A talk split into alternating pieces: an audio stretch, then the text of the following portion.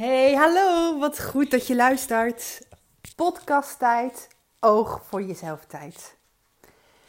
Niemand heeft iets te zeggen over de keuzes die ik maak.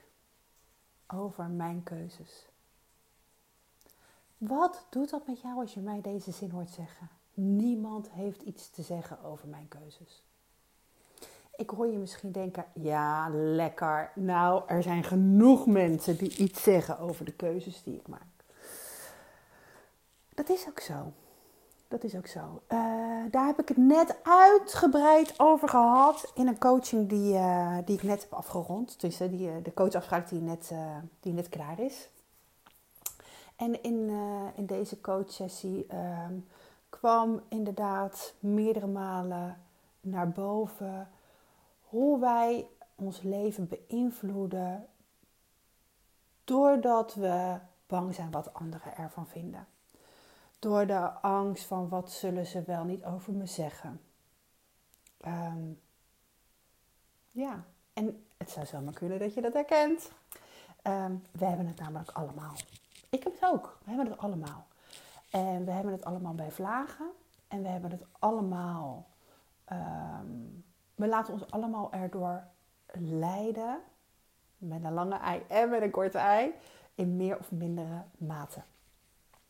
En de, um, de vraag is uh, om aan jezelf te stellen: in hoeverre um, leef jij jouw leven of leef jij het leven zoals je denkt dat het volgens anderen hoort? Omdat als jij het doet zoals het volgens anderen goed is, dan wordt er misschien niet over gekletst. Dan vinden ze je oké. Okay. Um, we hadden het daar uitgebreid net over. En het voorbeeld wat ik gaf, wil ik eigenlijk ook met jullie delen. Het is alweer um, een aantal jaar geleden uh, dat ik een nieuwe auto heb gekocht. En als ik je vertel dat um, ik helemaal niet om auto's geef, dat het voor mij vooral belangrijk is dat hij me van A naar B brengt. Dat hij start als ik het nodig heb. Dat er uh, genoeg benzine in zit. Maar vooral dat hij motoren doet. En dat hij me brengt daar waar ik wil dat hij me brengt. En dat alles mee kan wat ik um, mee wil hebben. Zo zei ik, um, het is misschien wel grappig om te vertellen. Um, ik, heb, uh, heb, ik heb een mannenhuishouden met, uh, met twee jongens. iedereen is eigenlijk wel een soort van autogek. En ik weet nog dat ik ja, een Toyota Agila kocht. Alweer even geleden, een jaar of uh, twaalf geleden. En dat de jongens zeiden: Mam, ga je echt in zo'n auto rijden? Ik heb liever dat je een andere auto koopt. En dus gaven dan allerlei voorbeelden. En dat ik tegen mijn jongens zei: Ik heb een naar de sportbrengauto. En geen sportauto. Ik vond het belangrijk. Kinderwagens moesten mee, boodschappen moesten mee, kinderen moesten mee, vriendjes moesten mee. Nou ja, daar paste die auto prima bij. En het maakte mij echt niet uit hoe die eruit zag als hij maar deed wat ik van hem verwachtte. Uh, en als je dit van mij weet, dan zul je misschien wel uh, denken: waarom staat er dan een cabrio bij jou op de oprit? Want sinds een aantal jaar ben ik de, ik kan inmiddels zeggen trotse, maar dat vond ik toen echt niet, bezitter van de cabrio. En uh, dat ik er toen niet trots op was, dat ik er zelfs last van had, dat ik die auto had. Dat heeft alles te maken met het thema van deze uh, podcast. Want ik had er echt mega last van, van die gedachten die zich maar druk maakten over wat zullen anderen er wel niet van vinden. Ik was namelijk zelf ook ooit een vrouw die er wat van vond als mensen met een cabrio reden die uh, dachten, jezus, wat een uitslover of wat een decadentie. Wie is dat nou echt nodig? In Nederland is het toch niet zo mooi weer vaak. Waarom moet je dan in zo'n cabrio en overdreven gedoe? Ga je daar je geld aan uitgeven? Ik, want ja, ik vond, geld, ik vond auto's helemaal geen geld waard. Behalve dan dat ze het moesten doen. Dus al helemaal niet om vormgeving of om uiterlijk. Of als statussymbool. Want um, status, daar was ik eigenlijk wars van. Sterker nog, um, het, toen mijn man over die auto begon, want ik, hij staat er dus inmiddels wel en dat komt niet door mij, dat komt echt door Richard, die eigenlijk wel deze auto op zijn wensenlijstje had staan. En uh, ik vond wel dat we eigenlijk in een te groot huis woonden. En overdreven. terwijl, ja, het is wel ruim, maar het valt ook wel weer mee. Het is helemaal niet dat we in een, villa wonen of zo. Maar we hebben wel een duidelijke uh, stap vooruit gemaakt van uh, ons vorige huis naar dit huis. Nou, en dat was met die auto eigenlijk in het viervoudige van mijn gevoel. En ehm, ja, toen hij zei van, oh Chris, die auto staat bij de garage, ga je meekijken? Kijken of, of je erin past. Dacht ik nog, nou joh, ik geef hem zijn zin, ik ga even meekijken. Maar mijn lange benen kunnen bijna nergens lekker in, dus dat zal hier ook wel niet. En wonderwel was dat dus wel het geval. En uh, zei Ries, joh, we nemen hem. Van mij had het niet gehoeven. En nou zul je misschien denken als je mij dit hoort zeggen, nou dan gaat hij er toch lekker zelf in rijden. Dat was nog in de tijd dat, wij, dat hij een diesel had, heel veel kilometers voor zijn werk maakte. En het dus absoluut niet handig was dat hij in deze auto ging rijden. Want dat, was dan wel een soort van dief zijn van je eigen portemonnee. Uh, en ik heb... Uh, ja, het was absoluut niet mijn keus. En ik heb tegelijkertijd gedacht, ach, als jij er gelukkig van wordt en uh, nog die jongens uh, in huis ook, wat zal mij het dan schelen? Uh, ja, het was een auto die helemaal niet bij mij past voor mijn gevoel. Het was een hele lage zit, dus waardoor ik mezelf in en uit die auto moest hijsen. Maar goed, ik kon ook bedenken, ach, ik ben elke keer mijn, buik, mijn beenspieren aan het trainen. Dus het is een goede oefening om fit te blijven om met deze auto te rijden. En zo had ik mezelf eigenlijk wel een beetje geholpen in gedachten, waardoor het oké was voor mij om, eh, om die auto aan te schaffen. En toch, uh, er gingen een aantal weken uh, overheen tussen ja zeggen en hem daadwerkelijk ook op de oprit hebben staan. En vanaf het moment dat hij op de oprit stond, was het eerste van ik dacht: oh jee, wat zullen ze in de buurt er wel niet van vinden? Wat zal mijn buurvrouw er wel niet van vinden? Hadden een overdreven toestand. Ja, want dat is wat ik, hoe ik zelf er ook altijd over gedacht had. En als je zelf ergens over denkt, ga je er automatisch van uit dat anderen er ook zo over denken. En um, toen ik deze gedachte deelde met een tennisvriendinnetje, nou, jij zal het niet geloven, maar ik, ik, ik, je kon me opvegen wat dat betreft. Want vertelde zij dat ze precies hetzelfde had. Haar man had ze ook in zo'n auto gepraat. En uh, iets wat ze eigenlijk helemaal niet wilde, maar wat er wel was. Bleken wij gewoon twee vrouwen, twee die eigenlijk met elkaar tennissen, maar eigenlijk nooit over dit soort dingen hadden, met hetzelfde uh, idee rond te lopen, met dezelfde gedachten. Dus alleen dat is wel interessant, hè? Dat, uh, we denken vaak dat we de enige zijn die ergens over denken. En als we er dan over in gesprek gaan, dan blijken we gewoon uh, heel dichtbij ook mensen te hebben die eigenlijk met precies hetzelfde, in dit geval zelfs één op één dezelfde gedachten over hetzelfde onderwerp nog wel te hebben. Maar goed, ehm, ja, uh, ik kwam er in die periode ook achter. En dat kwam ik ook achter door gewoon in die auto te gaan rijden. En je snapt misschien, de eerste keer met die kap open, voelde ik echt me ongemakkelijk. En ik dacht echt, oh jee, als ik nu door dorp rijd, iedereen kijkt naar me. Ze denken allemaal, wat een decadente trien. Voelt zich zeker te goed om in een gewoon oud bakkie te rijden. Nou ja, mijn hoofd ging er helemaal op los. En, um, en ik kwam erachter, ja, ik weet eigenlijk niet eens zeker of er mensen zijn die zo denken, maar die zullen er vast zijn. Heb ik alleen niet gesproken, die hebben het niet tegen mij durven uiten. Um, dat zijn mensen die, die er wel weten dat het, dat het er was, maar die er dan gewoon niet over beginnen. Dan weet je eigenlijk al een beetje uh, oh, zij zitten zo in de wedstrijd. Maar er waren opvallend veel mensen die zeiden: Jeetje, wat leuk. Oh, mag ik ook een keertje mee? Of uh, nou ja, die eigenlijk alleen maar enthousiast waren. En dat ik echt dacht: Oh, dat kan dus ook. Hierover enthousiast zijn. Dat was iets heel nieuws voor mij, omdat mijn gedachten er iets heel anders van maakten. En, um, en ik merkte ook door met die auto te gaan rijden en, en en de voordelen ervan te gaan zien. Um, zoals ik vanmorgen in die coachafspraak ook zei, ik, ik, was in die tijd ook een opleiding aan het doen uh, voor persoonlijke ontwikkeling. En uh, dat waren best lange en intensieve dagen. En dat was in Delft. En uh, ja, een klein half uurtje, twintig minuutjes rijden. En dat ik dan na zo'n opleidingsdag, uh, ook al was het maar 12 graden, maar als het droog was, met die kap open naar huis reed.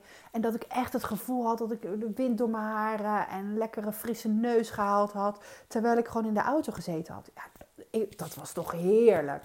En dan natuurlijk niet te spreken over lekker in de zomer met dat zonnetje, uh, de wind door je haren. Uh, gewoon maar eens een beetje toerend wat van Nederland zien. Um, ik, ik ging steeds meer na elke keer dat ik erin reed, de, de voordelen er ook van zien. En, en steeds meer van die auto genieten, die ik eigenlijk, waar ik ja tegen gezegd had, maar die ik eigenlijk, um, helemaal niet wilde. En um, ja, dat is eigenlijk ook hoe het, bij, hoe het werkt. Hè. We hebben vaak dingen gewoon te doen om erachter te komen dat het helemaal niet zo is zoals we het in gedachten hadden. Maar goed, ik, ik dwaal een beetje af. Want uh, als ik nou even weer terug ga naar het onderwerp. Niemand heeft iets te zeggen over de keuze die ik maak. Waar we het vanmorgen ook over hadden. Was dat er zijn altijd namelijk wel mensen die ergens wat van zeggen. Die ergens wat van vinden. En tegelijkertijd hebben zij het recht helemaal niet. Het gaat hun helemaal niks aan. Dat is echt iets om scheid aan te hebben. Um, en zolang jij jouw leven nog te veel laat beïnvloeden door hoe anderen misschien wel denken, door hoe jij het doet zoals het volgens jou of volgens anderen hoort, ben je niet jezelf. Ben je niet jouw leven aan het leiden. Ben jij niet volop aan het genieten en alles eruit aan het halen wat bij jou past. Want niemand heeft daar iets over te zeggen. En tegelijkertijd heeft iedereen er iets over te zeggen en heb jij er dus niks van te vinden. Want weet je, er wordt altijd gekletst. Is het niet linksom, is het rechtsom. Er wordt gekletst als mensen niks doen. Er wordt juist gekletst als mensen wel wat doen. Neem maar deze periode over, als we het even hebben over corona en over bijvoorbeeld vakanties. Weet je, mensen vinden er wat van. Um, nou, even heel recent over de kerstvakantie. Mensen, dat er zoveel mensen in Antwerpen zijn. Er zijn mensen die er wat van vinden als je wel gaat. Er zijn mensen die er wat van vinden als je niet gaat. Um, zo wordt er altijd wel gekletst. Mensen vinden altijd wat. En gelukkig hebben we dat ook heel vaak niet hoor. En tegelijkertijd, omdat wij zelf ook wel van alles vinden. Want heel eerlijk, toch? Vind jij ook wel wat van andere mensen? Van je omgeving of mensen dichtbij of misschien wat verder weg. En juist omdat wij ook wat van anderen vinden, denken wij te weten dat zij ook wat van ons vinden. Of wat zij van ons vinden, sterker nog. En dat mag je echt laten. Dat mag je bij hun laten. Wat zij denken is van hun. Wat jij denkt is van jou. En jij kunt de baas zijn over jouw gedachten. Jij kunt grip krijgen op jouw gedachten en daardoor op jouw gevoel. Op hoe jij je voelt, hoe jij je dag beleeft, hoe jij jouw leven leeft. Dat is waar het over gaat.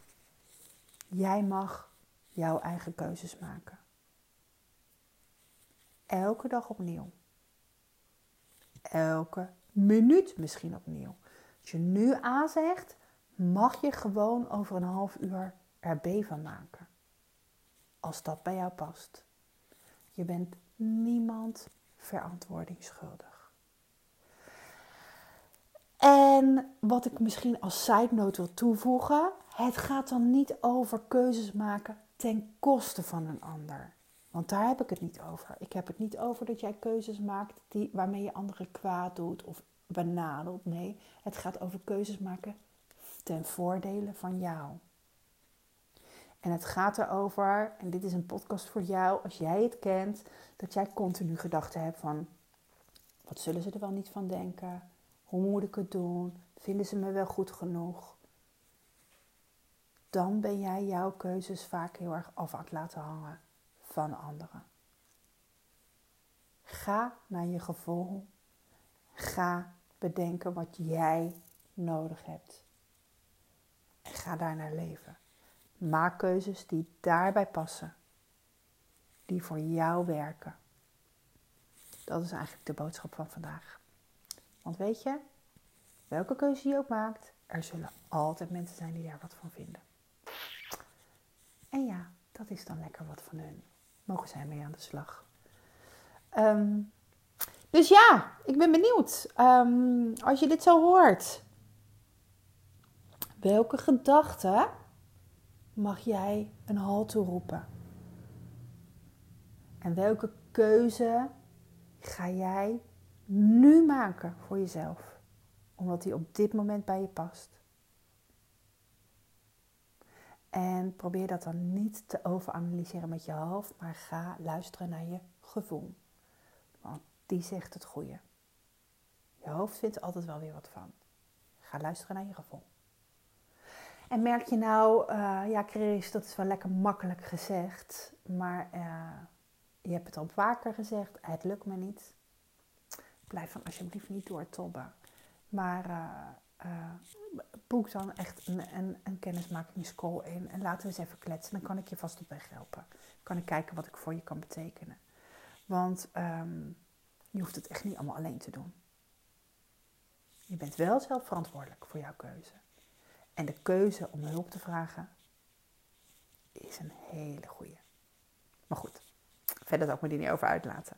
Hey, um, tof dat je jezelf weer dit kwartiertje gegund hebt. Dit ruim dit kwartiertje. Even oog voor jezelf. Um, ga eens even kijken hoe de vragen bij jou resoneren. En um, ja, als er iets is wat je te vragen hebt, of als je er iets meer over wil weten, of als jij die kennismakingscall wil boeken om je even op weg te helpen, kijk dan even naar uh, de tekst die hier bij deze podcast staat, want daar staan de linkjes. En ik zou het echt heel tof vinden als jij deze podcast luistert en um, een review wil geven. Als jij uh, via uh, een iPhone luistert, dan moet je even naar beneden scrollen op de Ogen voor Juf account. Um, want dan kun je daar zo sterren aan klikken. En als je op Spotify luistert, dan kun je bij drie puntjes aanklikken en kun je een review geven. En je zou mij daar echt mee helpen. Want als ik reviews ga verzamelen en um, sterren krijg, dan word ik ook wat makkelijker gevonden. Uh, en ik wil heel graag nog veel meer vrouwen, nog veel meer juffen helpen. Om lekker in hun vel te zitten, om um, goede keuzes voor zichzelf te maken. En daardoor echt ten volle van hun leven, maar ook van hun werk en voor de kinderen op school er te zijn. Want er is niets mooiers dan dat. Oké, dit was het weer. Tot een volgende keer. Doei doei.